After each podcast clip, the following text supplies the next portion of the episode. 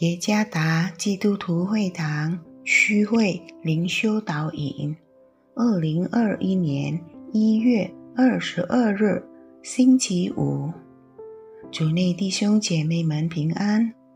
今天的灵修导引，我们要借着圣经《路加福音》十二章十三到二十一节来思想今天的主题：脱离贪婪的网罗。作者陈顺安传道，《路加福音》十二章十三到二十一节。众人中有一个人对耶稣说：“夫子，请你吩咐我的兄长和我分开家业。”耶稣说：“你这个人，谁立我做你们断事的官，给你们分家业呢？”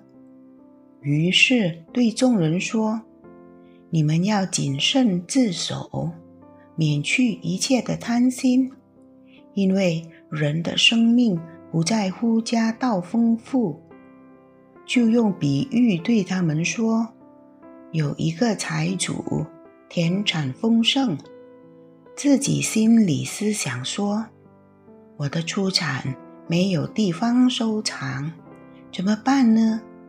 又说：“我要这么办，要把我的仓房拆了，另盖更大的，在那里好收藏我一切的粮食和财物。然后要对我的灵魂说：‘灵魂啊，你有许多财物积存，可做多年的费用，只管安安逸逸的吃喝快乐吧。’”神却对他说：“无知的人呐，今夜必要你的灵魂，你所预备的要归谁呢？凡为自己积财，在神面前却不富足的，也是这样。网罗是用绳子结成的圈套器，其末端有一个洞，圆圈的形状，经常。”用来抓猎物，猎人通常会将圈套器放在动物时常经过的地方。当动物不注意的时候，将被猎人所放的圈套器困锁。贪婪也是如此，当一个人松懈时，也会被贪婪所困。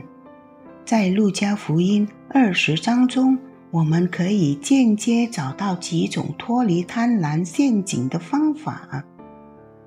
脱离贪婪的第一种方式是满足于现有的，不要像经上说的那个人对所得到的不满足，他想把他兄弟的份成为属于他的。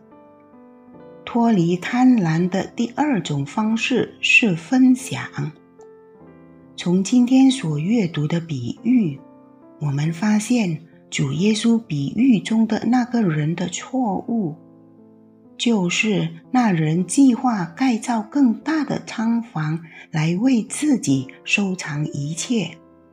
当然，收藏财物并没有错，但问题是在于忘记与他人分享。这就是愚昧财主所忽略的原则。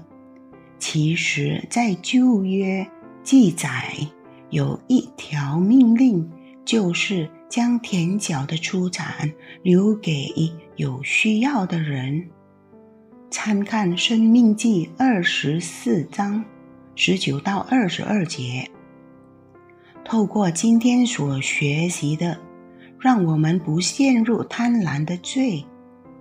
无论境况如何，让我们对上帝赐给我们的一切感到满足和感恩。此外，让我们也不忘记与他人分享，特别是对那些需要我们帮助的人。当然，分享。不一定要等到我们拥有丰富的财物，只需要分享我们所拥有的，即使我们必须承认数量有一定的局限性。愿圣灵帮助我们不陷入贪婪的陷阱，而活出荣耀他的生命。感恩并与他人分享，有助于我们脱离贪婪的陷阱。主耶稣赐福。